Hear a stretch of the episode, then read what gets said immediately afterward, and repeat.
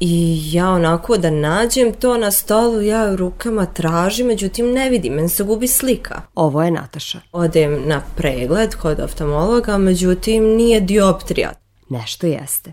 To je jednostavno sve prošlo kroz neki šok. Počinje opšte praksa. Ja sam Jasmina Dabić. Nataša najveći borac kog poznaje. Kaže Natašina cimerka. Ona svaki dan gleda kako Nataša Arsenović hrabro korača napred, ne gledajući. Priča počinje u zimu pre 12 godina, u Doboju. Ja sam imala nastupe s folklorom za novu godinu, sve je teklo sasvim normalno. Međutim, za Božić 2008. godine a, moji su mi rekli, ovako ujutru sjela smo da doručkujemo i nešto su mi rekli da dodam sa stola. I ja onako da nađem to na stolu, ja u rukama tražim, međutim ne vidim, meni se gubi slika. Kada vidiš slabije, šta radiš? Ideš kod očnog lekara.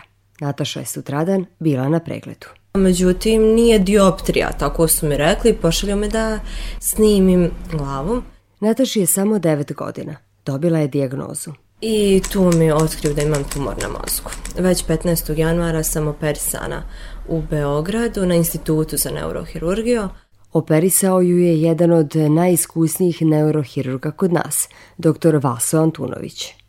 Ona je imala takozvanu hroničnu papilarnu stazu.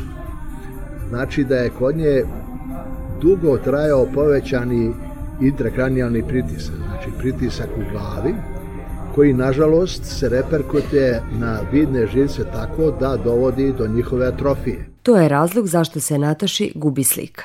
Ja ne znam šta je operacija mozga, tumora, to je meni, ali nisu mi tako ni govorili, kao eto nešto, nek, neki zahvat oni manji trebaju da urade i to, međutim ja to nisam tada shvatala. Kada je tumor dobroćudni, on sporo raste.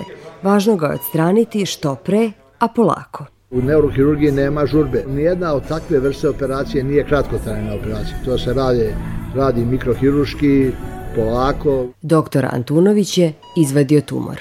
To se zvalo poklopa, znači morali smo da napravimo polukružni rez na mekim tkivima pa da se otvorimo lobanju na mjestu gdje je tumor pa ovaj, kako se zove, to je bilo 6, 7, 8, 10 cm, zavisnosti od potrebe. Od momenta kada je Nataša prvi put izgubila sliku pred očima do operacije dobroćudnog tumora na mozgu, prošlo je taman toliko da na Natašin život ostavi trajne posledice. Kod mene kažu da je jako dugo tumor bio prisutan, da je to sve vrijeme pritiskalo očni nerv, da je ranije to primjećeno i ranije operisano, ne bi ostale ovakve posledice. Interesantno je u toj čitavoj priči da su to najčešće dobroćudni tumori.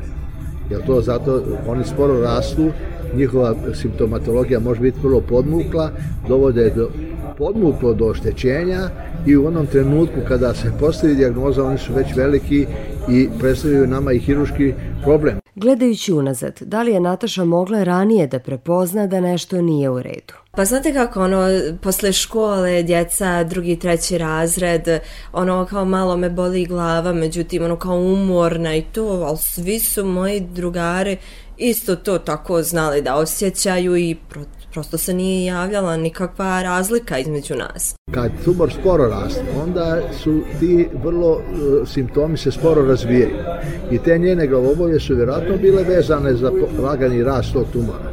Dete koje je do juče sve normalno videlo kao i vršnjaci postalo je osoba sa invaliditetom. Seća se tog dana u bolnici. Tog 17. januara kad sam se ujutro probudila, vidim da je mrak ispred očiju, ja onako mami kažem, pošto mama bila sa mnom, ja kažem, rako ja ne vidim ništa. Kaže, ne vidiš ništa, rako ne vidim ništa. Posle operacije postoji nada da se vid Nataši može vratiti. Sedam godina sam tako dolazila stalno ovaj, na kontrole i oni su svi bili onako s nekom nadom kao da bi se taj vid mogao bar malo vratiti, međutim nije ništa od tog bilo. Naprotiv, strah se uvukao u porodicu Arsenović. Sedam godina posle operacije lekarima se čini da se Nataši tumor vratio. Pa je to opet bio strah takav da više niko ne razmišlja o tome što ja ne vidim, zašto ne vidim, što, daje da se vrati vid. Kad su nam rekli da je moguće da se opet tumor vratio, svi smo onako bili nervozni, znate kakav je to samo osjećaj, da opet morate prolaziti kroz sve to isto, mislim, strašno. Urađene su dodatne analize i stigli su rezultati. Ipak su poslednje te kontrole pokazale i snimci da, da nema ništa, da je sve u redu. Otad ne koristim ni terapiju, ni, niti više idem na te kontrole. Drago mi je ovaj da, da je dobro i da, nažalost, nažalost, to je neka posljedica koja je ostala, ali koja se nije mogla prevenirati u njenoj situaciji a s druge strane dobro je da ona ima tu energiju da se bori i da, ovaj, da, da će sigurno uspjeti u svemu tome. Doktor je u pravu. Nataša ne dopušta da je invaliditet ograniči. Završila osnovnu školu, srednju školu za fizioterapeutskog tehničara.